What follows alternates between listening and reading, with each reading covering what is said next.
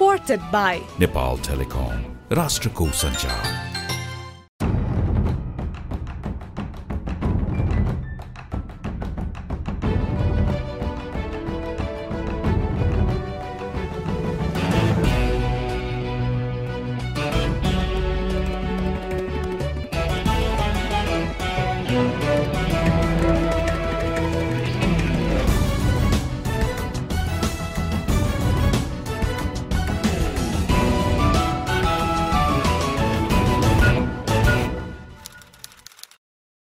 आदरणीय दर्शक तथा श्रोतावृन्द नमस्कार। कार्यक्रम टफ टकमा म दिलभूषण पाठक तपाईँ लगायत मेरा सबै सबै दर्शक तथा श्रोतालाई स्वागत गर्दछु। हिमालय टेलिभिजनमा हरेक बिहिबार साँझ नौ बजे प्रसारण हुने यो कार्यक्रम तपाईँ टफ टकको आफ्नो युट्युब च्यानलमा टफ टक प्रस्तुतकर्ता इन्टरफेस नेपालको web page interface Nepal dot com र हाम्रो पात्रो एपमा हेर्न तथा आइओएस चलाउने श्रोताहरूले आइट्युन्स र एन्ड्रोइड चलाउने श्रोताहरूले नेपाली पडकास्टमा पनि टफ टक सुन्न सक्नुहुनेछ। हरेक वर्ष विद्यालय शिक्षाको खुड्किलो मानिने एसइई परीक्षाको रिजल्ट आउँदा हाम्रा सामुदायिक विद्यालय कमजोर सूचीमा पर्दछन्। सुविधायुक्त विद्यालयमा पढ्ने विद्यार्थीहरू उच्च अङ्क ल्याएर उत्तीर्ण हुन्छन् भने गरिबी र आर्थिक अवस्था समेत कमजोर भएका र भौतिक पूर्वाधार राम्रो नभएका विद्यालयका विद्यार्थीहरूको नतिजा टिस लाग्दो हुने गर्दछ। यसै वर्षको एसइई परीक्षाको नतिजामा पनि सरकारी एवं सामुदायिक विद्यालयको परिणाम निकै नै कमजोर देखियो। एसइई दिने कुल चार लाख उन्साठी हजार दुई सय पचहत्तर विद्यार्थीमध्ये तिन लाख पच्चिस हजार तिन सय तिस अर्थात् सत्तरी प्रतिशतभन्दा बढी सरकारी एवं सामुदायिक विद्यालयका थिए। उता निजी एवं संस्थागत विद्यालयको तर्फबाट उन्तिस प्रतिशत अर्थात् एक लाख तेत्तिस हजार नौ सय पैँतालिस विद्यार्थीले एसइई दिए। तर उता परिणाम हेर्ने हो भने सामुदायिक विद्यालयका करिब पन्ध्र प्रतिशत विद्यार्थीले मात्र ए प्लस ग्रेड ल्याए जबकि परीक्षामा सामेल भएका संस्थागत एवं निजी विद्यालयका भने करिब चौरासी प्रतिशतले ए प्लस ल्याए। त्यस्तै ए ग्रेड ल्याउने सरकारी एवं सामुदायिक विद्यालयका विद्यार्थीको सङ्ख्या जम्मा एक्काइस प्रतिशत मात्र छ भने निजी एवं संस्थागत विद्यालयमा अठहत्तर प्रतिशतभन्दा बढी छ। यो तथ्यले सरकारी र सामुदायिक विद्यालयको शिक्षा बीचको ठुलो अन्तर उजागर गर्छ। राज्यका कानुनहरूमा समान शिक्षाका अक्षरहरू सुन्दर ढङ्गले कुदिएका छन् तर त्यतिका भरमा शिक्षा सम्मान र एउटै गुणस्तरको हुन सकेको छैन। विद्यालय शिक्षाको सुधारका लागि सरकारी बजेट खर्चेरै काम गर्दा पनि अपेक्षित उपलब्धि हासिल नभइरहेका बेला अहिले एउटा स्वयंसेवी शैक्षिक अभियानले भने निकै आशा जगाएको छ। सात वर्षदेखि चलिरहेको टिच फर नेपाल नामको स्वयंसेवी शैक्षिक अभियान अन्तर्गत अहिले झन्डै सातवटा जिल्लाका पाँच दर्जन सामुदायिक विद्यालयहरूमा करिब डेढ सय स्वयंसेवी शिक्षकहरू परिचालित छन्। यो अभियानका सुरुवातकर्ता हुनुहुन्छ शिशिर खनाल। अमेरिकामा अध्ययन सके श्रीलङ्काको सर्वोदय मुभमेन्टमा समेत काम गरी स्वदेश फर्कनुभएका उहाँको अभियान अहिले नेपालको विद्यालय शिक्षा सुधारमा नमुना बन्दै गएको छ। शैक्षिक गुणस्तर सुधारका लागि सरकारले गरिरहेका पहलहरू कति प्रभावकारी छन्? टिच फर नेपाल कस्तो स्वयंसेवी अभियान हो र यो किन चाहियो? नेपालका गाउँहरूमा चलिरहेका सामुदायिक विद्यालयहरूको अभिगत कस्तो छ? किन धेरैजसो विद्यार्थी विद्यालय शिक्षामै गुल्टिन्छन्? त्यसमा पनि अङ्ग्रेजी विज्ञान र गणित जस्ता विषयमा विद्यार्थी किन अत्यन्तै कम अङ्क ल्याउँछन् र उत्तीर्ण हुन सक्दैनन्? स्वयंसेवी शिक्षक तयार पारी गाउँहरूमा खटाउन कति चुनौती छ र किन आवश्यक छ? यिनै प्रश्नहरूको जवाब खोज्न आज मसँग हुनुहुन्छ टिच फर नेपालका संस्थापक सिइओ शिशिर खनाल। आउनुहोस् स्वागत गरौँ आजका मेरो अतिथि शिशिर खनाललाई। शिशिरजी टफटकमा स्वागत छ। धन्यवाद नमस्ते। नेपालमा विद्यालय शिक्षाको अवस्था कस्तो छ? त्यसलाई कसरी सुधार गर्न सकिन्छ? तपाईँको अनुभव म क्रमैसँग आउँछु। तर त्योभन्दा पहिले मलाई जानिहाल्न मन लागेको चाहिँ नेपालको सामुदायिक शिक्षा प्रतिको चिन्ता तपाईँको कहिलेदेखिको हो? र पर्टिकुलरली यो तपाईँको अभियान टिच फर नेपाल छ नि यो कस्तो संस्था हो कसरी सुरु गर्नुभयो? हजुर। टिच फर नेपाल भन्दा पहिले चाहिँ म एउटा सर्वोदय भन्ने श्रीलङ्का बेस्ड एउटा महात्मा गान्धीको फिलोसफीमा आधारित संस्थामा आबद्ध थिएँ। श्रीलङ्कामा त्यो जुन काम सामुदायिक विकासको काम अहिंसाको काम देख्दाखेरि चाहिँ यस्तो काम नेपालमा पनि एउटा द्वन्द्वको स्थितिको भर्खर नेपाल पनि त्यसको चरणमै थियो। त्यो त्यस्तै खाले काम नेपालको ग्रामीण समुदायमा गर्न पर्ला भन्ने सोचको हिसाबले चाहिँ नेपालमा हामीले सर्वोदय नेपाल भन्ने सुरु गरेका थियौँ सुरुको अवस्थामा। र त्यो काम गर्ने क्रमहरूमा चाहिँ गाउँहरूमा एउटा प्रमुख रूपमा चाहिँ मैले के पाएँ भने शिक्षाको चिन्ता विशेष गरी गुणस्तरीय शिक्षाको चिन्ता चाहिँ धेरै अभिभावकहरूले आफ्नो केटाकेटीको भविष्य के हुन्छ? हामीले त पढ्न पाएनौँ किन नेपाल? पच्चिस तिस चालिस वर्ष अगाडिको नेपाल। र अहिलेमा फरक के रहेछ भने विद्यालय शिक्षासम्मको पहुँच विद्यालयहरू चाहिँ खुलेको। तर त्यहाँ चाहिँ गुणस्तर पाएन। हामी हाम्रा केटाकेटीले कसरी बोर्डिङ स्कुलका केटाकेटीसँग कम्पिट गर्ने? मैले त पाइनँ। म त गरिब केही चक्रमा फसेँ। तर कम्तीमा पनि स्कुल भइसकेपछि मेरा केटाकेटीको भविष्य राम्रो होस् भन्ने चिन्ता चाहिँ एकदमै प्रमुख रूपमा गाउँहरूमा भेटियो। र त्यो भेटिसकेपछि के हो त नेपाली परिवेश भनेर अलिकति अध्ययन गर्ने इच्छा लाग्यो र त्यो अध्ययन गर्ने क्रममा चाहिँ जुन किसिमको नेपालमा विशेष गरी सार्वजनिक शिक्षाको तथ्याङ्कहरू तथ्यहरू भेटेँ त्यसले चाहिँ अलिकति मलाई चाहिँ कहाली नै लाग्यो। ओके कस्तो तथ्यहरू थियो? जस्तो आम मान्छेले हामी के भन्छ भने गाउँमा विद्यालय छ विद्यालय छ। संरचना छ स्कुलको स्ट्रक्चर छ केही शिक्षकहरू छन्। विद्यार्थी बिहान बेलुका स्कुलतिर लाग्दै गरेको लस्कर देख्यो भने गाउँको शिक्षा भइरहेछ चलिरहेछ भन्ने ठान्छौँ हजुर। तर तथ्यले चाहिँ तपाईँलाई के देखायो भने त्यसको नतिजा अत्यन्तै कम। केही विषयहरूमा? बुझ भन्ने गरी बुझ्ने गरी भनिदिनुहुन्छ? कस्तो देखिँदो रहेछ भने एउटा राम्रो चिज चाहिँ यही विद्यालयहरू धेरै खुलेको भएर ग्रामीण भेगहरूमा जताततै विद्यालयसम्मको पहुँच चाहिँ राम्रो भयो। नेपालमा अहिले बढ्यो। एक्सेस बढ्यो। धन्दै अहिलेको दिनमा सन्तानब्बे प्रतिशत पाँच वर्ष उमेर समूहका केटकेटीहरू विद्यालयसम्ममा भर्ना भएको देखिन्छ। तर कुरा क्वालिटीको गर्दैछौँ। हजुर। तर त्यो भनेको जस्तै उदाहरणका के हुन्छ भने कक्षा एकमा दस वर्ष अगाडि चौध लाख केटाकेटी छन् भन्ने शिक्षा मन्त्रालयको तथ्याङ्कले देखाउँछ। तर दस वर्षपछि एसएलसी जुन अहिले गएको एसएलसीमा जम्मा चार लाखभन्दा बढी केटाकेटीले मात्रै जाँच दिए कि फेरि सबैजना एसएलसी पास हुने पनि होइन अहिले आएर हामी एसी भन्छौँ होइन। त्यसले गर्दाखेरि झन्डै सुरु गर्नेको सत्तरी प्रतिशतभन्दा बढी केटाकेटीहरू कि चाहिँ दससम्म पुग्दै पुग्दैनन्। ड्रप आउट हुन्छ। द बिचमै छोड्छन्। त्यसपछि एसीमा पनि फेरि पास हुने एकदमै न्यून सङ्ख्यामा देखिन्छ। सरकारी विद्यालयको त हिस्टोरिकल एभरेज हेऱ्यो भने तिस प्रतिशत मात्रै हो। त्यसले गर्दाखेरि सयमा झन्डै झन्डै दसको हाराहारीमा मात्रै सरकारी विद्यालय केटाकेटी एसएलसी पास देखिन्छ भने चाहिँ नब्बे प्रतिशत केटाकेटीहरू पहुँच भए पनि राम्रो शिक्षा पाएको छैनन् अथवा विद्यालयमा कन्टिन्यू गर्दैनन् भन्ने देखिन्छ। अब शिक्षा माथिको लगानी त आजको मात्रै हुँदैन। एकचोटि आज हामीले लगानी गऱ्यौँ भने धेरै लामो पछि तपाईँ त्योभन्दा अगाडि चाहिँ अमेरिकामा पढ्दै हुनुहुन्थ्यो। हजुर। त्यहाँबाट मास्टर्स गरेपछि अनि श्रीलङ्का हुँदै तपाईँ नेपाल आइपुग्नुभयो। हजुर। ओके अनि डे वानमा टिच फर नेपालको उद्देश्यहरू के के थिए? कहाँबाट प्रवेश गर्नु तपाईँको बुझाइमा। त्यही मुख्य चाहिँ त्यही गाउँहरूमा नै कहाँ पहिला गर्ने क्रममा त्यो जुन जब शिक्षाको स्थितिहरू एउटा रमाइलो चाहिँ मलाई के लाग्यो भने आफ्नै सिकाइको हिसाबले त्यो कन्टेक्स्ट चाहिँ के थियो भने झन्डै प्रि टु थाउजन्ड फिफ्टिनको कन्टेक्स्ट ग्लोबली र नेपालमा पनि नेपालमा चाहिँ हाम्रो शिक्षाको योजना चाहिँ हामी स्कुल सेक्टर रिफर्म एसएसआरपी भनेर भन्थ्यौँ। ग्लोबली चाहिँ मिलेनियम डेभलपमेन्ट गोल भनेर एमडिजी भन्थ्यौँ। त्यसको प्रायोरिटी चाहिँ के थियो भने पहुँच नै थियो। प्राइमेरी स्कुलसम्म सबै केटाकेटीको पहुँच पुर्याउने भन्ने नै थियो।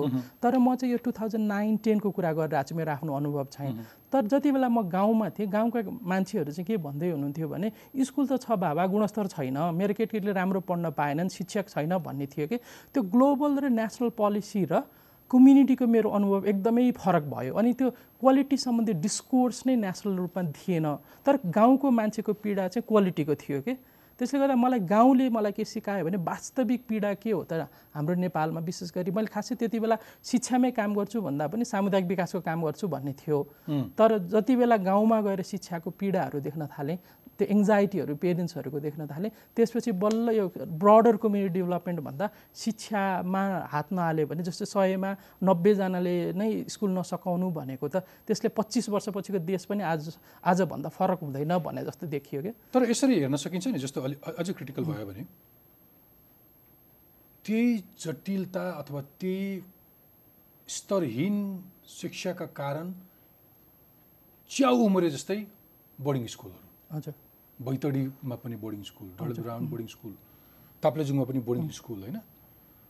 बजार अलिकति छ भने बोर्डिङ स्कुल अथवा सक्छ भने जस्तोसुकै विपन्न अथवा जस्तोसुकै गरिबले पनि सक्छ मात्रै भने पनि दैनिक रोजीरोटी दैनिक रोजगारीबाट मात्रै अलिकति बचाउन सक्छ भने छोराछोरीलाई उसले पहिलो प्राथमिकता निजी विद्यालयहरूमै लान खोज्छ। भनेको सरकारी विद्यालयहरूमा त्यो ट्रस्ट नै छैन। एब्सोल्युटली हजुर हो। भलै अहिले केही सामुदायिक विद्यालयहरूमा राम्रो खालको चाहिँ व्यवस्थापन समितिहरू राम्रो अभिभावकले फेला पारेका विद्यालयहरूमा कहीँ तपाईँहरू जस्तै चाहिँ सपोर्ट गर्ने इन्स्टिट्युसन्सहरू पाएको हकमा अहिले केही केही बोर्डिङ बोर्डिङहरूलाई माथ गर्ने सा सामुदायिक विद्यालयहरू पनि होला तर समग्रमा हेर्दाखेरि त त्यो स्तर त छँदै थिएन नि त होइन? हजुर। तर त्यसलाई हामीले बेवास्ता गरेका थियौँ। आफ्नो छोराछोरीलाई निजी विद्यालयमा पढायौँ तर। समग्र त्यसको विकासमा हाम्रो चिन्ता थिएन। त्यो परिस्थितिमा तपाईँहरू कसरी छिर्नु आर्टको एउटा पक्ष के भने चाह चाहने र सक्नेहरूले बोर्डिङ स्कुलमा पठाउन खोज्दा खोज्दै पनि आजको दिनमा एकदेखि दसको विद्यालय शिक्षामा जम्मा सत्र प्रतिशत मात्रै हो बोर्डिङ स्कुलमा पढ्ने। अर्को त्रियासी प्रतिशत केटाकेटीहरू सरकारी विद्यालयमै छन्। भन्ने बित्तिकै यत्रो ठुलो जनसङ्ख्या झन्डै साठी लाख केटकेटीहरू सरकारी विद्यालयमा छन्। र त्यो बिचमा फेरि के फरक हो त भनेर मैले नेपालमा भएका थुप्रै अध्ययनहरू टिचु नेपाल सुरु गर्न अगाडि अध्ययन गर्ने क्रममा चाहिँ के भेटियो भने विषयगत रूपमा हेर्दाखेरि पनि के देखियो भने फरक चाहिँ सामाजिक नेपाली जस्तो विषयमा बोर्डिङ स्कुल पढ्नु र सरकारी विद्यालय पढ्नुमा एसएलसीको नतिजामा खासै फरक देखिँदो रहेछ। इङ्ग्लिस म्याथ र साइन्समा खालि इङ्ग्लिस म्याथ्स र साइन्समा। तिनवटा विषयमा एकदमै बढी फरक देखेपछि त्यो त्यसपछि चाहिँ अनि बल्ल प्रश्न अब के गर्ने भन्ने आयो हामीलाई। किनभने हामीले खास केही साथीहरूले मैले एउटा अल्टरनेटिभ लो कस्ट कम्युनिटी स्कुललाई पनि सहयोग गरेको थिएँ यो यही टाइममा। साथीहरूले पहिले सुरु गर्नुभएको तर कम आर्थिक निम्न आय भएका केटकेटीलाई बोर्डिङ स्कुलको जस्तै सुविधा दिने भनेर। त्यसको नतिजा त राम्रो आयो तर प्रब्लम त्यहाँ कहाँ मलाई लाग्यो भने स्केल कसरी गर्ने त स्कुल त थुप्रै बनाउन धेरै कस्टली हुन्छ। यदि प्रब्लम तिनवटा मात्रै विषयमा हो भने र फेरि अनि किन प्र भने सामान्यतया हाम्रो बुझाइ के रह्यो भने शिक्षक अथवा शिक्षण पेसामा म्याथ साइन्स इङ्ग्लिसमा कम्पिटेन्सी भएको एकदमै कम मान्छेले मात्रै अट्र्याक्ट गर्न सक्ने जस्तो हाम्रोको अहिलेको परिवेश छ। त्यसपछि बल्ल टिसो नेपालको परिकल्पना भयो। ए भनेको जड चाहिँ यो असफलता अथवा सामुदायिक विद्यालयमा विद्यार्थीहरूको त्यो सफलताको सफलता नहुनुको एउटा जड चाहिँ विषयगत शिक्षकहरू थिए ती तिनवटा विषय पढाउने विज्ञान अङ्ग्रेजी र गणित पढाउने र त्यसका लागि चुनौती थियो शिक्षकको। शिक्षक त्यहाँनिर तपाईँले इन्टरभ्युन हजुर गर्नुभयो करेक्ट त्यो गाउँ गाउँमा भनिने नै के थियो भने त्यति बेला शिक्षकै पाइएन। सर तपाईँहरूले शिक्षक ल्याइदिन सक्नुहुन्छ। के गरेर शिक्षकलाई पठाइदिनुहोस् न भन्ने। त्यो कन्भर्सेसन चाहिँ एकदमै धेरै हुन्थ्यो कि हाम्रो त्यति बेला गाउँहरूमा काम गर्ने बेलामा। अनि त्यसपछि बल्ल ओहो कसरी गर्ने त भनेर सोच्दै गर्दाखेरि अनि बल्ल भलन्टियर मोबिलाइजेसनको त्यो सोच चाहिँ बल्ल त्यो गाउँहरूले सँगै डिमान्ड त्यो निड बुझिसकेपछि बल्ल हामीले त्यसरी सो सोचेको। त्यो भनेको अहिले टिच नेपालले त्यस्तो समस्यालाई एड्रेस गर्नलाई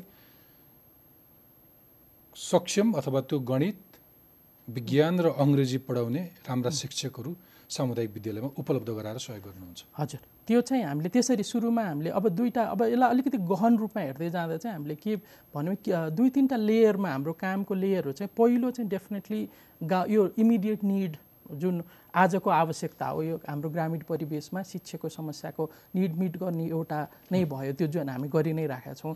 तर त्यो सँगसँगै हामीलाई फेरि अर्को के लाग्यो भने यो त हामी जस्तो बाहिरीय संस्थाले सधैँ गरेर हुने चिज पनि होइन। यो पहिलो प्रश्न त यो प्रब्लम नै किन एक्जिस्ट गर्छ त भन्ने प्रश्न भयो नि त। यसको रुट कज के हो त भने रुट कज चाहिँ हामीलाई यसलाई स्ट्रक्चरल र सिस्टमिक नेचर भनेको के भने एउटा रुट कज चाहिँ के भने हामी हाम्रो जस्तै म आफै पनि एसएलसी पास गरेपछि र हरेक घरमा को कुरा के हो भने राम्रो विद्यार्थी फर्स्ट डिभिजन अथवा डिस्टिङसन आयो भने के पढ्ने भन्दा घर परिवारले साइन्सै पढ। भन्ने छ। मलाई आफैलाई पनि त्यो थियो। इन्जिनियर डक्टर बन्नै पर्छ भन्ने जस्तो एक्सपेक्टेसन मेरो परिवारमा पनि थियो र अरू सबैको परिवारमा त्यो देखिन्छ। अनि अनि त्यसपछि हाम्रो अब त्यो म एजुकेसन अफ हायरार्की भन्छु एसपिरेसनको हिसाबले। साइन्सपछि कमर्स अथवा म्यानेजमेन्ट त्यसपछि सोसल साइन्स अनि चाहिँ लास्टमा गएर मात्रै एजुकेसन भन्ने जुन कल्चरल एक्सपेक्टेसन थियो अहिले त झन् शिक्षा मन्त्रालयले पोस्ट एससी ग्रेडिङमा त्यसलाई म्यान्डेटै दिएको छ। शिक्षण शिक्षा पढ्नको लागि सबभन्दा कम जिपिए ल्याएको मान्छेले मात्रै एन्ट्रान्स पाउँछ। अन्त कहीँ एन्ट्रान्स नपाउनेले शिक्षा मन्त्री मन्त्रालयले के भनिदियो भने यसले शिक्षा पढाइ हुन्छ भनिदिएको छ। एउटा कल्चरल मान्यतालाई पोलिसीले मान्यता दिएको छ अहिले रिसेन्टली आएर। भनेपछि एउटा समस्या के भयो भने स्ट्रक्चरलले नै हामीले के भनिरहेको छ भने जो पनि शिक्षक बन्न सक्छ भने जस्तो गरेर हामीले अहिले संस्कृति मात्रै होइन नीतिमा राखेका छौँ। एउटा त्यो भयो। दोस्रो चाहिँ अरू सफलता जस्तै केही सरकारी विद्यालयहरू किन सफल छन् भनेर हेर्दाखेरि त्यहाँभित्र फेरि नीति व्यवस्थापन व्यवस्थापकहरू लिडरसिपको कुरा देखियो।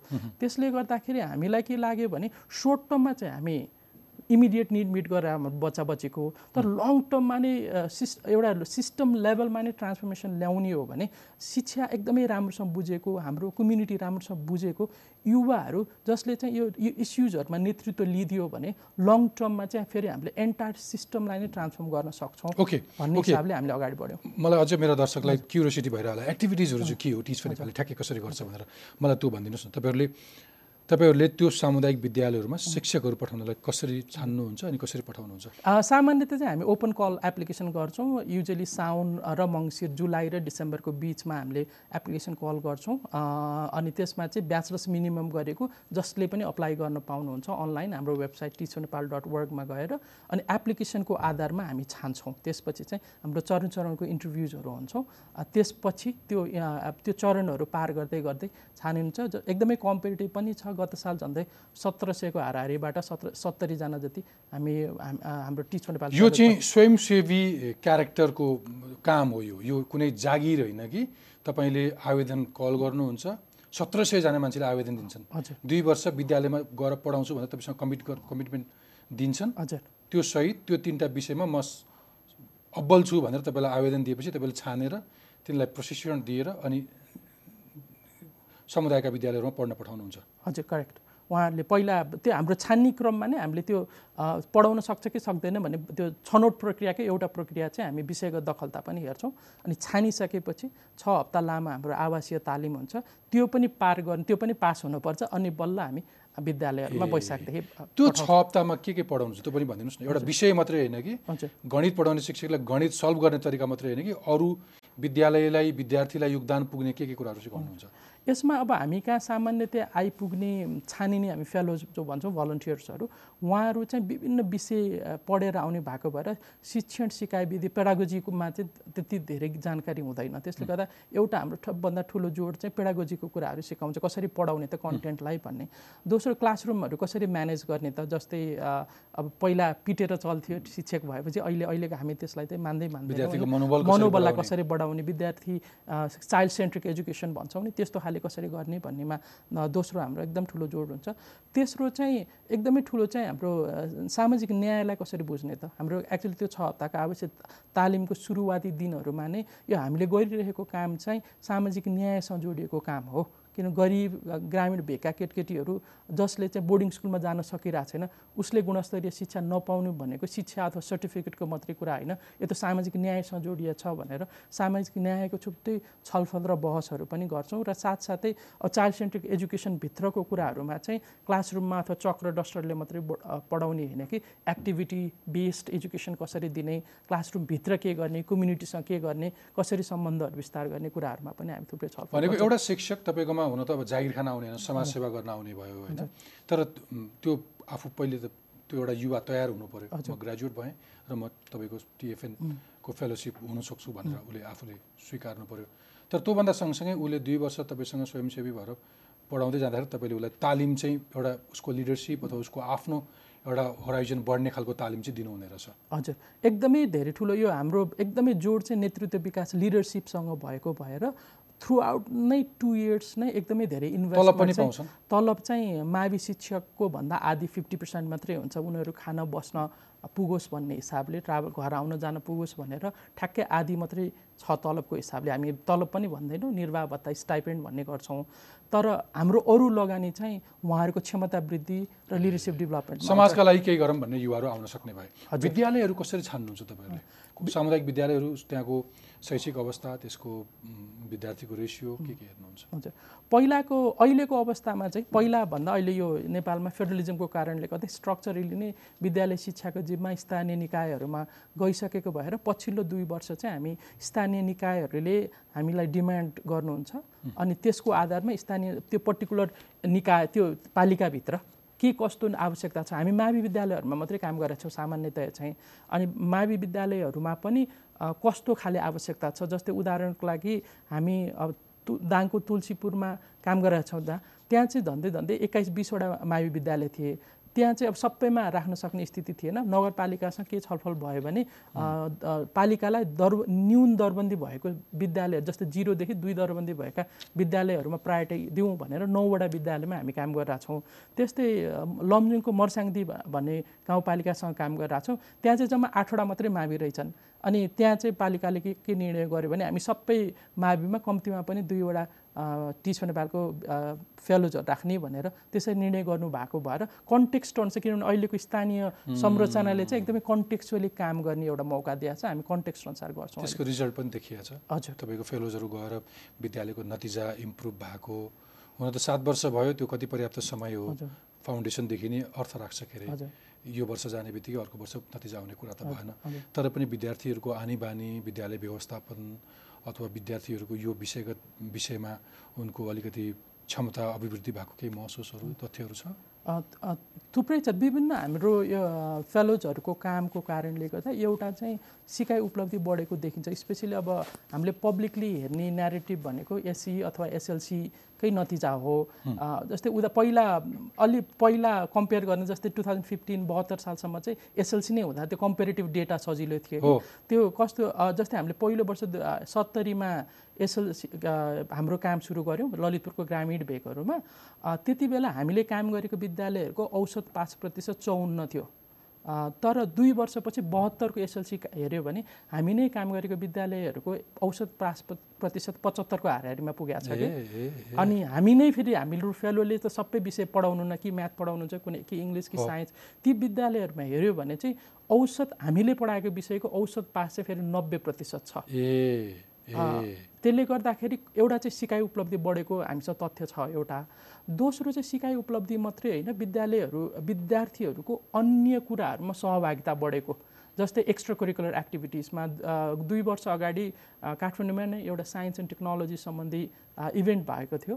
त्यसमा चाहिँ ललितपुरकै एकदमै राम्रो विद्यालयहरू निजी विद्यालयहरूले पनि पार्टिसिपेट गरेको इभेन्टमा ललितपुरको सबभन्दा दुर्गमको हामीले पढाएको विद्या विद्यार्थीहरूले चाहिँ स्टेम च्यालेन्ज साइन्स टेक्नोलोजी च्यालेन्जमा चाहिँ प्रथम पुरस्कार पाएको थिए ए ओके ओके। त्यसले गर्दाखेरि त्यस्तो थुप्रै उदाहरणहरू छन्। तपाईँको यो अभियानमा अप्लाई गर्नेहरू कस्तो हुन्छन्? विदेशतिर पढेको अलिकति एक्सपोजर पाएको दुई वर्ष देशमा गएर सेवा गरौँ भन्नेहरू अथवा यहीँका ग्रेजुएट्सहरू जसलाई गाउँको माया छ अथवा यहाँको शिक्षाको सुधार गर्नलाई बढी चाहना छ अथवा जागिर हो जागिर खाउँ भनेर आउने कस्तो खालको कस्तो खालको युवाहरू बढी आउँछन्?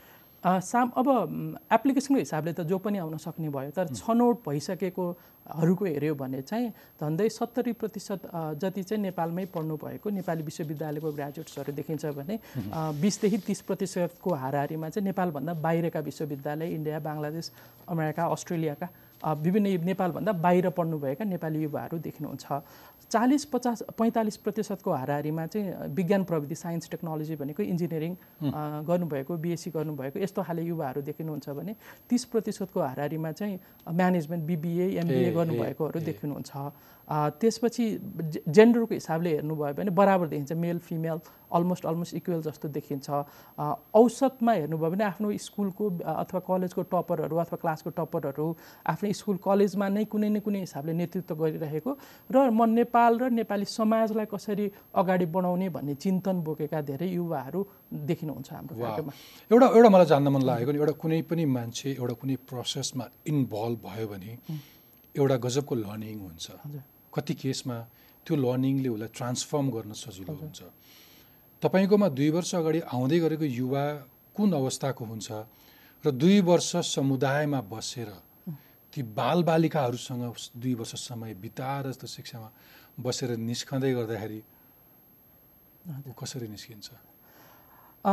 सामान्यतया अब नेपाली परिवेशमा हेर्दाखेरि अहिलेको युवाको धेरै औसतमा एभरेजमा हेऱ्यो भने चिन्तन र फेरि उसको परिवार समाजले भन्ने चिन्तन चाहिँ के हो भने नेपाल छोडेर बाहिर जानु नै सफलताको मापन हो। एब्सोल्युटली भन्ने चाहिँ अहिलेको नेपाली परिवेशको एउटा चिन्तन हो। जुन जुन खाले नेपाली जस्तै मध तल्लो वर्गको भए पनि मध्यम वर्गको भए पनि उपल्लो वर्गको भए पनि कम्तीमा पनि विदेश। गएन भने फेलियर जस्तो ट्याग लगाउने स्थिति छ। त्यसले गर्दा एक हदसम्म औसतमा हामी कहाँ आइपुग्ने युवाहरू पनि यो म- केही गर्न चाहन्छु दुई वर्ष चाहिँ मैले एटलिस्ट म गइहा जाँदाखेरि पनि दुई वर्ष त मैले देशलाई दिएर गएँ नि भन्ने खाले चिन्तन धेरैको हुन्छ। तर पछि दुई वर्ष अब हाम्रो चार पाँचवटा ब्याच सकिसक्दाखेरि अहिले के देखिन थालेको छ भने ब्याचलर सकेर दुई वर्ष गाउँ मात्रै गइराख्नु भएको छैन झन्डै नब्बे प्रतिशत हाम्रो ग्रेजुएट्सहरू चाहिँ नेपालमै हुनुहुन्छ।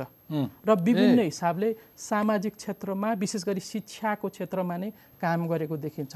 त्यसले गर्दाखेरि त्यो दुई वर्षले उहाँहरूको पनि निकै ठुलो ट्रान्सफर्मेसन भएको हाम्रो फेलोजहरूले धेरैले भन्ने चाहिँ नेपाल र जीवन बुझ्ने मौका पाइयो दुई वर्षमा भन्नुहुन्छ।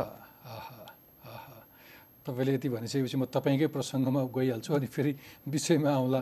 तपाईँको संलग्नता आफै पनि एउटा इन्ट्रेस्टिङ छ एउटा एउटा युनिभर्सिटीको एउटा राम्रो ग्रेजुएट तपाईँ अमेरिकामा बस्दाखेरि चार पाँच हजार डलरको जागिर खान्थे। भनेर कहीँ पढेको थिएँ तपाईँको रिसर्च गर्दै गर्दाखेरि। त्यो चार पाँच हजार रुपियाँ डलरको जागिर भनेको त्यतिखेर तिन चार लाख थियो होला अहिले चार पाँच लाखको मूल्य हो डलरको रेट हेर्दाखेरि। त्यति ह्यान्डसम स्यालेरी भन्छन् अङ्ग्रेजीमा अमेरिकामा। त्यो छोडेर तपाईँ यो सामाजिक सेवामा लाग्नु भयो श्रीलङ्कातिर। अनि नेपालमा आएर यो काम गर्दै गर्दाखेरि फेरि तपाईँलाई पारिवारिक दबाब केही भएन। हरेक बाबुआमा त छोरो विदेशै पढोस् विदेशी मुद्रै कमाओस् होइन? यो देशमा किन आओस् भन्ने जस्तो चाहना गर्छन्। परिवार छरछिमेकीले के अलिअलि उडाए अथवा अहिले त त्यतिखेर उडाएको चिज अहिले सम्मान पाइरहनु भएको छ? त्यो त्यो अझै अझै छ जस्तो लाग्छ कहिले कता कति। यसो यसो बेला मौकामा त्यस्तो डायलग खानुहुन्छ हजुर। त्यो सुरुदेखि नै हुन्थ्यो। एक इट्स स्पेसली यो नेपालमा साँच्चै नै केही हुन्छ र भन्ने निराशाको अवस्था धेरै नै देखिन्छ। र सकेसम्म अब हरेक पेरेन्ट्सहरूको इच्छा चाहिँ छोराछोरी सुखमा बाँचोस् भन्ने हो नि त। अनि त्यो सुख किन छोडेको होला? नछोडिदिएको भए हुन्थ्यो भन्ने चिन्तनहरू स्वाभाविक रूपमा देखिन्छ। मेरो घरमा पनि छ भन्छु म त्यो चाहिँ। तर स्टार्ट गर्न कति गाह्रो भयो? तपाईँले टिचर तपाईँले अघि भन्नुभयो नि। अहिले मैले तपाईँको देखेको छु नजिकबाट तपाईँको संस्थालाई जहाँ एउटा जुझारु युवा म टिच फर नेपालको फेलो हुन पाएँ र दुई वर्ष मैले एउटा ग्रामीण परिवेशमा गएर एउटा स्कुलमा योगदान पुर्याउन पाएँ भने मेरो जीवन धेरै सार्थक हुन्छ भन्ने जस्तै युवाहरूको अभिव्यक्तिहरू उनीहरूसँग अन्तर्क्रिया मैले पाएको छु। त्यसकारण पनि मैले तपाईँलाई ल्याएँ कि एउटा मोटिभेसन होस् आजका युवाहरूलाई। देशप्रति कुनै योगदान पुर्याउनका लागि न कि कुनै राजनीतिक दल अथवा नेतृत्वलाई मात्रै गाली गर्ने अथवा यो व्यवस्थालाई मात्रै गाली गर्ने भन्दा पनि आफ्नो तहबाट पनि केही योगदान पुर्याउन सकुन् कसैले भन्ने चाहना हो। र त्यो पनि विद्यालयको शिक्षाको कुरा गरिरहेछौँ सामुदायिक विद्यालयमा। कति सजिलो अथवा गाह्रो थियो तपाईँलाई सुरु गर्नलाई? सुरुवात कतिवटा जिल्लाबाट गर्नुभयो कति शिक्षकबाट गर्नुभयो त्यसलाई ट्रेनिङ दिन अथवा सरकारी संयन्त्रले पनि त तपाईँलाई त्यति सजिलै एक्सेप्ट गर्दैन नि वेलकम गर्दैन नि। कहाँको कहाँको मान्छे विद्यालयमा एउटा शिक्षकलाई आएर किन पढाउन दिन्छु भने यहाँको ब्युरोक्रेसी पनि त्यस्तै छ। कति सजिलो गाह्रो सम्झिनुहुन्छ च्यालेन्जहरू केही दृष्टान्तहरू? मलाई एकदमै चुनौतीपूर्ण भयो चाहिँ म भन्दिनँ। मैले एक्चुली अरू अरू साथीहरूको अथवा इभन निजी क्षेत्रमै एन्टरप्राइज सुरु गर्नेहरू साथीहरूको कन्भर्सेसन्स अथवा पढेको कथाहरू सुन्दाको अनुभवको आधारमा चाहिँ च्यालेन्ज भनेर एकदमै ठुलो बाधा विरोध चाहिँ भएन तर स्केप्टिसिजम चाहिँ एक्सट्रिमली हाई थियो भन्छु. भनेको त्यो सिनिसिजम र स्केप्टिसिजम चाहिँ केमा आएको थियो भने यस्तो पनि हुन्छ र। नेपाली युवा कहाँ दुई वर्ष गाउँमा जान्छन्। मैले सुरु सुरुमा त्यो आइडियाहरू सेयर गर्दै धेरै व्यक्तिहरूलाई भेट्दै गर्दाखेरि शिशिरजी भर्खर अमेरिकाबाट आउनु भएको छ तपाईँ साह्रै नाइभ हुनुभयो। नेपालमा यस्तो भलन्टिरिजम चल्दैन हो अमेरिकामा देख्नु भयो होला। तर नेपालमा त्यो हुँदै सक्दैन। तपाईँले अमेरिकन एम्बेसी अगाडि कति युवा लाइन लाग लागेका छन् हेर्नु भएको छ। त्यसले गर्दाखेरि यो दुई वर्ष एकदमै लामो कमिटमेन्ट भयो। गर्ने नै भने तिन महिना छ महिनाबाट गरेर सुरु गरेर हेर्नुहोस् न। यो- त यस्तो फेरि किन हामीले सुरुदेखि के एउटा भनिरहेको थियो भने जो पनि होइन आउटस्ट्यान्डिङ नेपाली यङ ग्रेजुएट्स भन्थ्यो कि राम्रो नेपाली युवाहरूलाई नै परिचालन गर्नुपर्छ भन्ने थियो। ए। अनि त्यसले गर्दाखेरि पनि झन् त्यस्तो युवा त बाहिर जाने? हो भने किन आउने? गाउँ जाने त हुँदै हुँदैन त सम्भवै छैन। उसले अझ राम्रो गतिलो पाउ जागिर पाउन सक्छ अझ हाई पेड हुनसक्छ। तर किन चुज गर्ने त? एउटा राम्रो जागिर सहरको एउटा राम्रो जागिर एसीमा बसेर खाने एउटा राम्रो जागिर एउटा युवाले चुज नगरेर तपाईँको भलिन्टियर हुनुपर्ने किन? त्यसले उसलाई के के लाभ हुन्छ? अहिलेको मैले सन्तुष्टि बाहेक। प्रोफेसनल ग्रोथमा प्रोफे हजुर। एउटा चाहिँ के हो भने युवाको एनर्जी जहिले पनि सामान्यतया परिवर्तनकारी नै हुन्छ ऊ परिवर्तन खोजिराखेका हुन्छ। र यो परिवर्तनमा योगदान दिने एकदमै ठुलो एउटा महत्त्वपूर्ण प्लेटफर्म हो टिच नेपालको फेलोसिप। एउटा डिरेक्टली नै जस्तै जब एउटा फेलो क्लासरुममा एक दिन पहिलो दिन प्रवेश गर्छ ऊ क्लासरुममा प्रवेश गरेको दिनदेखि उसले बोलेको एउटा सेन्टेन्स अथवा एउटा शब्दले अथवा उसले पढाएको एउटा लेसनले जीवन सयजना डेढ सयजना बच्चा बच्चीको जीवन परिवर्तन हुन सुरु गर्छ। त्यसले गर्दाखेरि ऊ परिवर्तनको लागि वेटै गर्नु पर्दैन एउटा। दोस्रो चाहिँ फेरि जुन हामी यो नेतृत्व विकासमा युवाहरूमाथि लगानी गरिरहेछौँ नेपालमा चाहिँ एउटा एकदमै ठुलो मिसिङ चाहिँ पिपल कपासिटी डेभलपमेन्टमा इन्भेस्टमेन्ट कस खासै गरेको देखिया छैन। अनि टिच नेपालले चाहिँ आफ्नो प्रोग्रामको कोरमा नै व्यक्तिको नेतृत्व विकास उसको स्किलमा पनि र उसको माइन्ड सेटहरूमा पनि विकासमा हामी धेरै ठुलो ल- लगानी गर्छौँ। ओके सो तपाईँकोमा आउने एउटा भलिन्टियरले कहीँ कसैलाई पढाउन मात्रै गइरहेको छैन कि उसको स्वयं लर्निङ हुन्छ उसको लागि भन्दै हुनुहुन्छ? हजुर एकदमै धेरै लर्निङ हुन्छ। एउटा चाहिँ अनुभवद्वारा एक्स लर्निङ हुन्छ। ल्याबमै गयो नि एकदमै सोसाइटीको एउटा लाइभ ल्याबमा हुन्छ। अनि उसले त्यो ल्याबमा गइस त्यो कम्युनिटीमा गइसकेपछि थुप्रै खाले अनुभवहरू गर्छ। उसले थुप्रै चुनौतीहरू फेस गर्छ। र त्यो चुनौतीहरू ओभरकम भनेको त ultimately how do I solve societies problem हो नि त? त्यो प्रब्लम सल्भिङ स्किल चाहिँ कुनै पनि एसीवाला रुमले कहिले पनि दिँदैन। ओके। अब मलाई एउटा कुरा भनिदिनुहोस् त्यो दुई वर्ष बसेर आइसकेपछि मलाई फेरि अर्को दुई वर्ष फेलो हुनुपर्छ भनेर भन्नेहरू पनि हुन्छन् अथवा तिनलाई कसरी व्यवस्थापन गर्नुहुन्छ? हामी कहाँ हामीले ति तेस्रो वर्षसम्म चाहिँ एक्सटेन्ड गर्न दिन्छौँ र केही साथीहरू हुनु पनि भएको छ। धेरै ठुलो नम्बरमा चाहिँ छैन तर केही साथीहरूले एक्सटेन्ड पनि गर्नुभएको छ। ए म त्यहीँ बस्न चाहन्छु अथवा त्यस्तै विद्यालयमा त्यस्तै काम गर्न चाहन्छु मलाई सन्तुष्टि भयो भन्नेहरू हुन्छन्। हुन्छन् तर उहाँहरूलाई चाहिँ हामीले चाहिँ अरू हाम्रो अलमनाईहरूलाई पनि फेरि हामी दुई वर्षपछि पनि उहाँहरूलाई सपोर्ट गरिराख्छौँ कि अ, अनि उहाँहरूको नेतृत्व विकास स्किल डेभलपमेन्टमा चाहिँ हाम्रो लङ टर्म नेपालमा एउटा एउटा कमिटेड युवाहरूको लिडरसिपको पाइपलाइन क्रिएट गर्ने मिसन भएको भएर हामी फेरि पोस्ट टु इयर्स पनि उहाँहरूलाई सपोर्ट प्रोभाइड गर्छौँ। ए, त्यो भलिन्टियरलाई तपाईँको एउटा मुलुक एउटा असल एउटा सबल एउटा सक्षम नागरिक बनाउन अरू दुई वर्ष तपाईँले केही सपोर्ट गर्नुहुन्छ अथवा उसलाई तपाईँले आफ्नो ऱ्याडरमा राखिरहनुहुन्छ? करेक्ट अनि उहाँ जस्तै हाम्रो हरेक छ महिना त हामी उहाँहरूको नेतृत्व विकास सम्बन्धी एउटा फुल डे इभेन्ट गर्छौँ। विभिन्न सानो सानो अब अहिले के देखिन थालेको छ भने हाम्रो अलमनाईले नयाँ खाले एन्टरप्राइजहरू सुरु गर्ने अथवा अरू संस्थाहरूसँग आबद्ध भएर शिक्षा विकासको कामहरू गर्ने देखिया छ। अनि उहाँहरूको फेरि स्किल डेभलपमेन्टमा म्यानेजमेन्ट कपासिटी डेभलपमेन्टमा पनि कन्टिन्युसली सपोर्ट गर्छौँ। ओके अब मेरो दर्शकलाई लागिरह होला। यति सबै गर्नको लागि त फेरि महँगो पर्छ। हजुर करेक्ट सामाजिक काममा कतिले दत्तचित्त लगाएर गरेका छन् भन्ने एउटा प्रश्न छ। फेरि अर्को गैर सरकारी संस्थाहरू एनजिओ आइएनजिओहरू भन्ने बित्तिकै एक किसिमको एउटा नकारात्मक धारणा पनि छ। तपाईँ आम त्यो नकारात्मक धारणा पर्ने एनजिओहरूभन्दा के फरक हुनुहुन्छ? यो अभियान कति महँगो हुन्छ अनि यसको स्रोत कसरी जुटाउनुहुन्छ? एउटा चाहिँ महँगो केलाई भन्ने भन्ने कुरा हुन्छ जस्तै हाउ डु यु मेजर त्यो एजुकेसनमाथिको इन्भेस्टमेन्ट के जसले चाहिँ आज हामीले पढाएको केटकेटीहरू अमेरिकामा शुद्ध छात्रवृत्ति पाएर जाने भए एकदमै गाउँ दूरदराजका केटाकेटीहरू। त्यसमाथिको इन्भेस्टमेन्टको महँगाई कसरी नाप्ने एउटा महत्त्वपूर्ण पाटो छ। दोस्रो कुरा चाहिँ फेरि सामान्यतया नेपालको एनजिओजहरू चाहिँ कसरी हामी के देख्छौँ भने युजली चाहिँ कसै कुनै संस्था विशेष गरी विदेशी इन्टरनेसनल एनजिओजहरूको इम्प्लिमेन्टिङ पार्टनर भनेको प्रोग्राम सबै इन्टरनेसनल अर्गनाइजेसनहरू हुन्छ। फन्डिङ सबै इन्टरनेसनल अर्गनाइजेसनको हुन्छ। खालि कार्यक्रमलाई इम्प्लिमेन्ट गरिदिने मात्रै भूमिकामा अलमोस्ट कन्ट्र्याक्टर जस्तो रोलमा देखिन्छ धेरै एनजिओजहरू हामी चाहिँ एउटै मात्रै काम गर्छौँ त्यसलाई चाहिने स्रोत आफै जम्मा गर्छौँ। हामी कसैको लागि काम गर्दैनौँ। अनि त्यो फेरि आफ्नो भिजन छ? हजुर।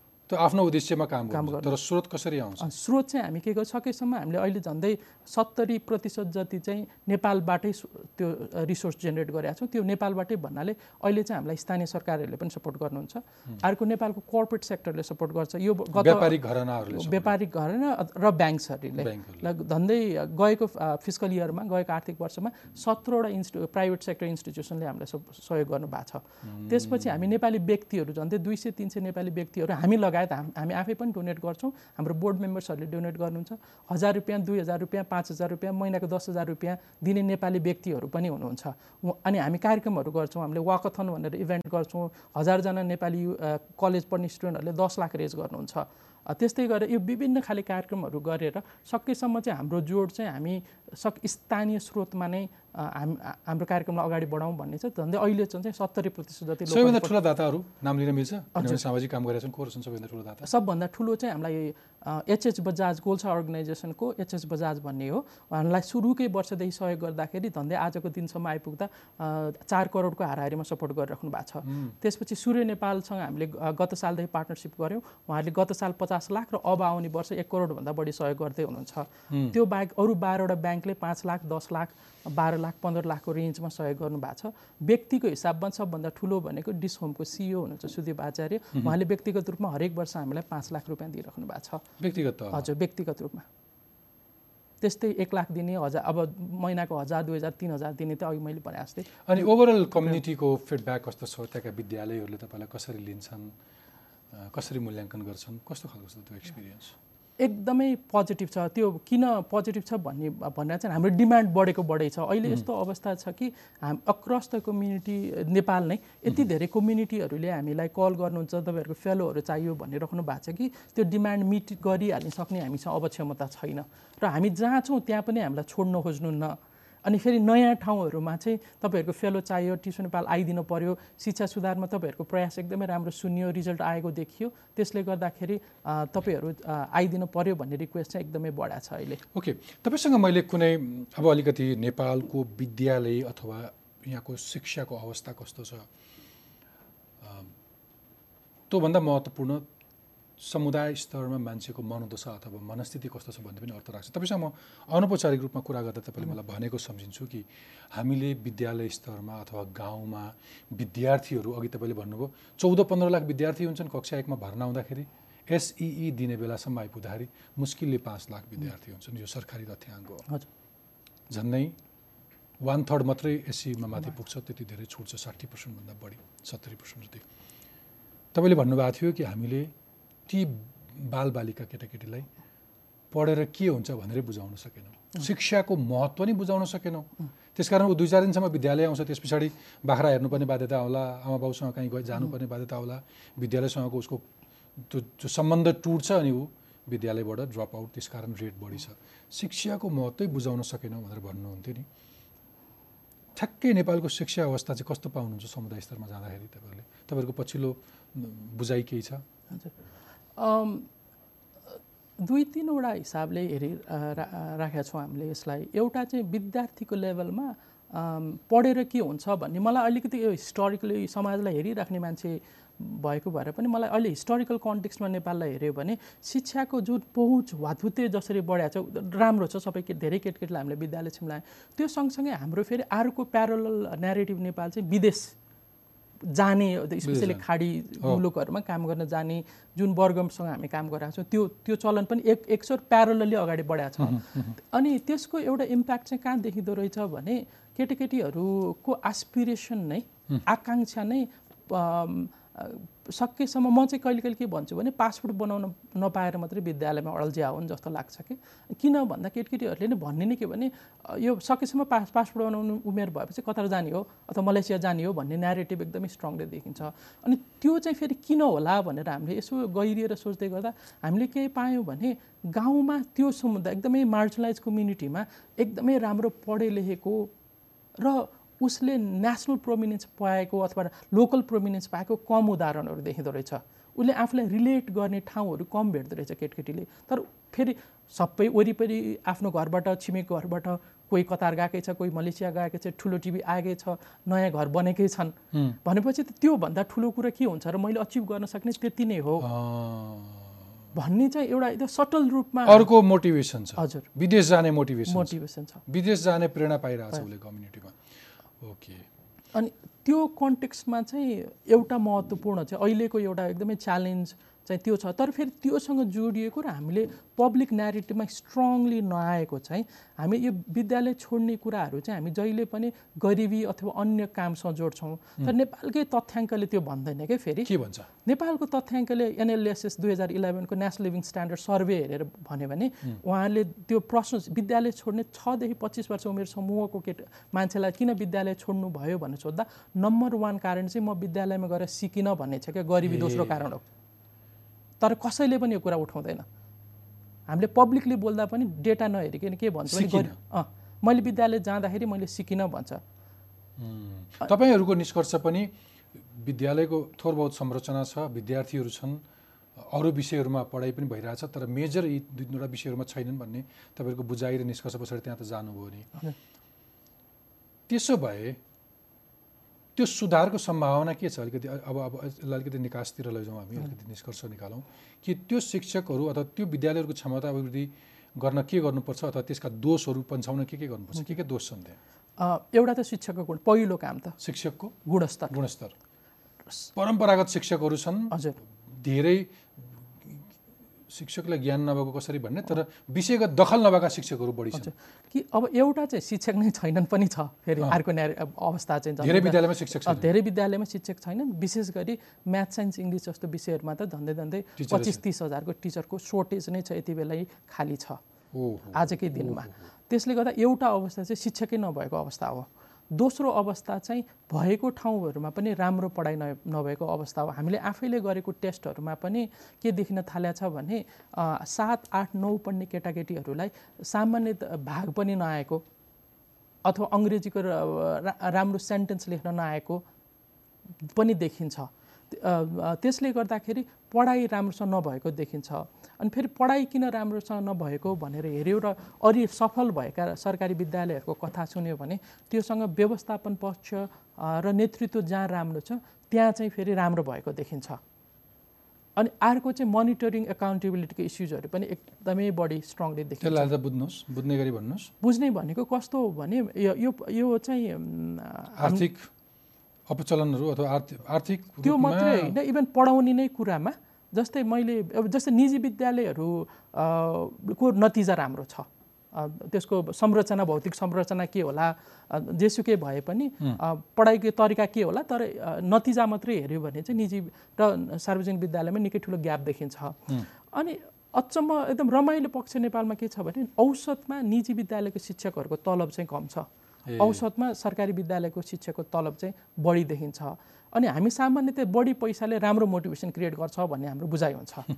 तर म हामीले मैले अध्ययनकै क्रममा गाउँहरूमा टिचरहरूलाई के सो सोधेको छु भने किन त त हेर्दाखेरि चाहिँ निजी विद्यालयको टिचरको तलब कम हुन्छ तपाईँहरूको बढी हुन्छ तर फेरि नतिजा हेऱ्यो भने उल्टा हुन्छ।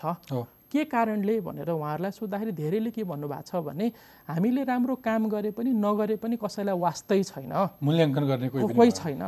हामीले नतिजा राम्रो दियो नि हामीलाई कसैले केही साबास तर नेपाल सरकारको त्यो निरीक्षण मूल्याङ्कन इकाइहरू केही छ जस्तो लाग्छ छैन?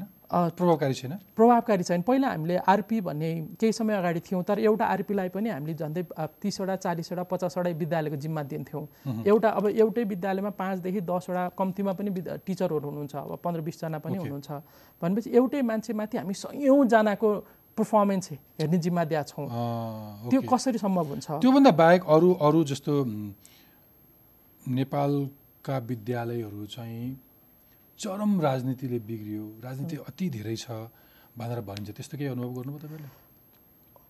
हो तर त्यो आफै पनि मलाई कहाँ लाग केसँग जोडिएको हो भने यो अकाउन्टेबिलिटीसँग जोडिएको इस्यु हो जस्तो लाग्छ कि।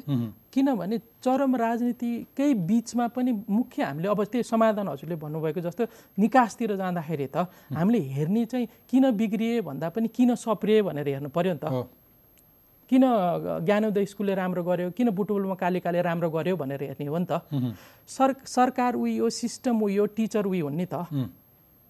अनि त्यहाँ खेलि व्यव अनि किन भन्दाखेरि प्रश्न जोडिन्छ कहाँ भने हेड टिचरको नेतृत्व अथवा एसएमसीको नेतृत्वसँग जोडिन्छ भनेको लिडरसिपसँग जोडिन्छ क्या भनेपछि हो राजनीति एकदमै छ।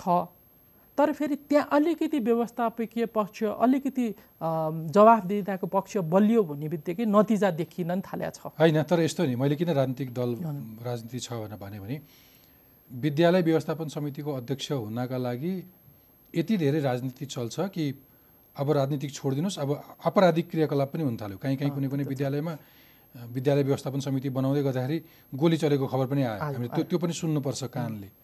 भनेपछि त्यो त अलिकति पराकाष्ठा हो नि त्यो त दुर्भाग्य हो नि त्यो त राजनीति पनि चरम हो नि विद्यालयमा। हो। त्यो त्यो अवस्था त्यो फ्याक्ट नै हो तथ्य हो। तर खालि मैले भन्नु खोजेँ त्यसको निकास भनेको चाहिँ अकाउन्टेबिलिटीसँगै जोडिन्छ जस्तो लाग्छ कि। हाम्रो संयन्त्रहरूले त्यस्तो विद्यालयले कति नचिता दिनुपर्ने त. जस्तै एसएमसी चेयरको अकाउन्टेबिलिटी के प्रति त? नतिजाप्रति हो कि होइन? जस्तै हामीले कथे मैले यस्तै गोली चलेकै मध्येको एउटा स्कुलमा रिसर्च गर्ने क्रममा के सुनेको थिएँ भने उहाँहरूले त्यो एसएमसी अध्यक्षले स्कुलको जग्गाको माटै बेचेर पनि पैसा लग्नु भयो भन्ने पनि सुनिएको थियो कि रिसर्च गर्ने क्रमहरूमा। तर अब त्यो त अवस्था हो तथ्य हो। तर निकास फेरि के त भन्दाखेरि त्यो त्यसलाई अकाउन्टेबल कसले बनाइराखेको छ त? यदि रिजल्ट दिनपर्छ पर्फर्मेन्स दिनपर्छ भनेको भए त? र त्यसलाई स्ट्रङली अकाउन्टेबल हामीले बनाउन सक्ने भएको भए त गो त्यो त्यो अवस्था आउँदैन थियो कि भन्ने मैले अलिकति निकास पर्सपेक्टिभबाट बिल्कुल सोचिरहेको होइन मैले अब अब हामी बिट मार्दैछौँ। मैले मैले तपाईँसँग चाहना गरेको पनि त्यही हो। अब जाँदा जाँदै तपाईँले सात वर्ष एउटा भलिन्टियर बेस्ड एउटा मुभमेन्ट जस्तै जस्तो चलाइसक्नु भएको छ। त्यो चलाउनुभन्दा अगाडि एउटा अवस्था देख्नु भएको छ। यो सात वर्षको अनुभवको आधारमा सामुदायिक अथवा सरकारी विद्यालयहरू चल्तीको भाषामा बुझ्नको लागि त्यस्ता सरकारी सामुदायिक विद्यालयहरूको स्ट्यान्डर्ड बढाउनको लागि र एसइईको रिजल्टमा त्यहाँका विद्यार्थीहरूको स्कोर अथवा नतिजा राम्रा राम्रो बनाउनको लागि केही सुझावहरू छन्? के के रेकमेन्ड गर्नुहुन्छ तपाईँको मेरो पहिलो रेकमेन्डेसन र हाम्रो आफ्नै अनुभवको आधारमा भन्दाखेरि चाहिँ एउटा चाहिँ सही खाले व्यक्तिहरू कक्षा कोठामा भनेको क्वालि क्वालिटी राम्रो भएको व्यक्तिहरू शिक्षकको रूपमा हामीले कक्षा कोठासम्म ला लग्न सक्यौँ भने त्यसले एक हदसम्मको नतिजा सुध्रिन्छ भनेर हाम्रो अनुभवले स्पष्ट देखायो। एउटा पहिलो। एउटा एउटा एकदमै इम्पोर्टेन्ट पार्ट हो त्यसले गर्दा अब त्योभित्र के जो चाहिँ how do we recruit teachers भन्ने कुरा देखिन्छ कि शिक्षक कसलाई बनाउने र को बन्ने भन्ने। निकै नेपाली समाजमा निकै गहन छलफल चाहिँ त्यो हुनुपर्छ हाम्रो नीतिदेखि लिएर समाजमा पनि। त्यसपछि दोस्रो चाहिँ हाम्रो अहिलेसम्मको ट्रेन्ड के चाहिँ शिक्षकहरूलाई एकचोटि तालिम दिने तर उहाँहरूलाई त्यो पृष्ठपोषण फिडब्याकको कल्चर अब्जर्भेसनको कल्चर त्यति स्ट्रङ देखिँदैन जुन चाहिँ हामीले प्र्याक्टिस गरिरहेछौँ र ग्लोबली राम्रो पर्फर्म गरेको स्कुल सिस्टमको प्र्याक्टिस पनि त्यही हो। त्यस त्यो त्यसले गर्दा टिचरलाई एकचोटि तालिम दिएर उसले आफैले गरोस् भन्दा पनि उसलाई अब्जर्भेसन फिडब्याकको कल्चर अर्को चाहिएको छ दोस्रो। तेस्रो चाहिँ म्यानेजमेन्ट र लिडरसिप चाहिँ जस्तै राम्रो हेड टिचरले गर्दा स्कुल सुध्रिया छ भने त्यो चाहिँ प्रशस्त उदाहरण छन् भने अब सिस्टमको काम पोलिसीको काम के हो भने अब राम्रा हेड टिचरलाई कसरी राम्रा मान्छेलाई कसरी हेड टिचर बनाउने हो नि त अब त। त्यो पोलिसी रिफर्म त्यहाँ चाहिएको छ एउटा महत्त्वपूर्ण कुरा। लिडर चाहियो लिडर चाहियो हाम्रो लागि। अनि अर्को चाहिँ त्यही अकाउन्टेबिलिटी म अकाउन्टेबिलिटी कुरा किन जोड दिइरहेको छु भने पर्फर्मेन्स के हो भन्ने कुरामा क्लारिटी छैन कि? एसएलसी एउटा मात्रै छ तर एसएलसीमा आइपुग्दा हाम्रो अनुभवले एबिसी नआउने केटकेटी दसमा पुगेपछि फेल हुनु कुनै अस्वाभाविक होइन कि? तर त्यही कुरा हामीले तिनमा पाँचमा आठमा पनि अध्ययन गर्न सक्छौँ नि त। भनेपछि टिचर अथवा स्टुडेन्ट अथवा स्कुल अथवा एसएमसीले कम्तीमा पनि जवाफदेहिता के हो त? त्यो ट्र्याकिङ। एब्सोल्युटली अब अहिले चाहिँ हामी अलिकति नयाँ संविधान नयाँ संरचनाको कुरा गर्दै गर्दाखेरि यो त त्यो राज्य संरचना भनेको त त्यसले हरेक कुरालाई अर्थ राख्छ नि सो विद्यालय शिक्षाका लागि यो सङ्घीय संरचनामा गइसकेपछि त्यसले केही अर्थ राख्छ अथवा त्यहाँ कुन तहको कामहरू हुनुपर्छ जस्तो लाग्छ मलाई अहिले अब संविधान न त विद्यालय शिक्षा चाहिँ स्थानीय सरकारको प्रविमा हो भन्ने चाहिँ स्पष्ट देखिन्छ तर अहिले अब शिक्षा ऐन आइसकेको भएर एकदम अन्यलता बढी छ। तर एउटा राम्रो पक्ष चाहिँ के देखिया छ भने इलेक्टेड अफिसियल्सहरू भएको भएर धेरै ठाउँमा चाहिँ विद्यालय शिक्षा सुध्रिनुपर्छ भन्ने जस्तो उत्साह चाहिँ एकदमै देखिया छ। तर त्यो उत्साहको साथसाथै अब हामी अहिले झन्डै आठवटा पालिकासँग पार्टनरसिपमा काम गरिरहेछौँ अँ, उहाँहरूले लगानी पनि गरिरहनु भएको छ कि। त्यसले गर्दा स्थानीय नेतृत्व चाहिँ अब किनभने कम्तीमा पनि उसको आफ्नो फ्युचर करियर इले पोलिटिकल करियरको लागि पनि उसले नतिजा उन्मुख काम गर्नुपर्ने बाध्य चाहिँ इलेक्टेड रिप्रेजेन्टेटिभ्सलाई जहिले पनि हुन्छ।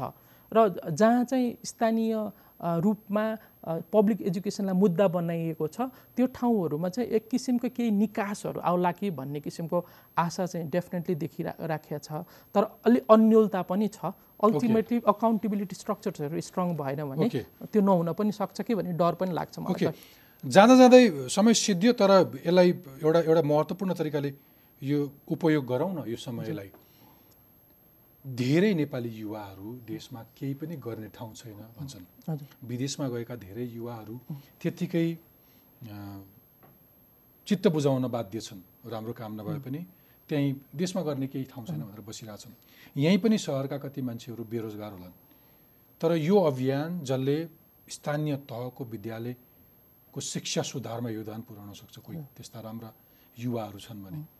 ती युवाहरूलाई तपाईँको आह्वान के छ भने म बिट पार्छु अम, युवाहरूलाई हाम्रो अब मेरो आफ्नै अनुभव र तिन सय प्लस नेपाली युवाहरू टिसो नेपालसँग आबद्ध नेपाली युवाहरूको अनुभव चाहिँ के हो भने आ, गर्यो भने सकिन्छ।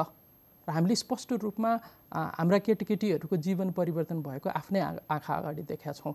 र त्यो कथाहरू चाहिँ अहिले दसौँ हजार केटाकेटीसँग हामी काम गर्दै गर्दाखेरि हाम्रो विश्वास चाहिँ आशा मात्रै होइन अब चाहिँ विश्वास र एभिडेन्स बेस विश्वास हो यो चाहिँ। विश्वास चाहिँ के छ भने युवाको एनर्जी सही ठाउँमा लाग्दाखेरि चाँडै नै हामीले फड्को मार्न सक्छौँ र मेरो आह्वान नेपालभित्र भएका नेपाल बाहिर भएका युवाहरूलाई सक्नुहुन्छ भने टिसो नेपाल जस्तो प्लेटफर्ममा आबद्ध भएर हामीसँगै काम गरौँ। अहिले हामी एप्लिकेसन पनि खोलेको छ अप्लाई गर्नुहोस्। तर आफ्नै कुनै इनोभेटिभ आइडिया छन् भने त्यो पनि गर्ने प्रशस्त नेपालमा ठाउँहरू चाहिँ छन्। तपाईँले आफ्नो मात्रै स्वार्थ राख्नु भएन दोस्रो पनि अप्सन दिनुभयो।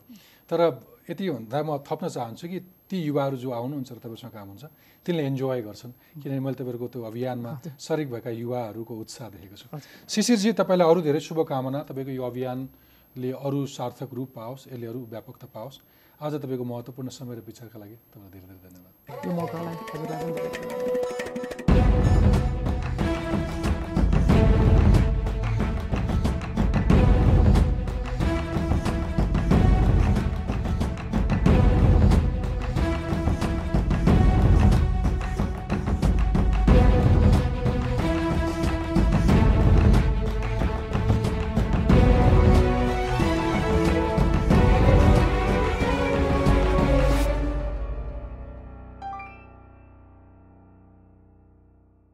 supported by Nepal Telecom, Rashtraku Sanchar.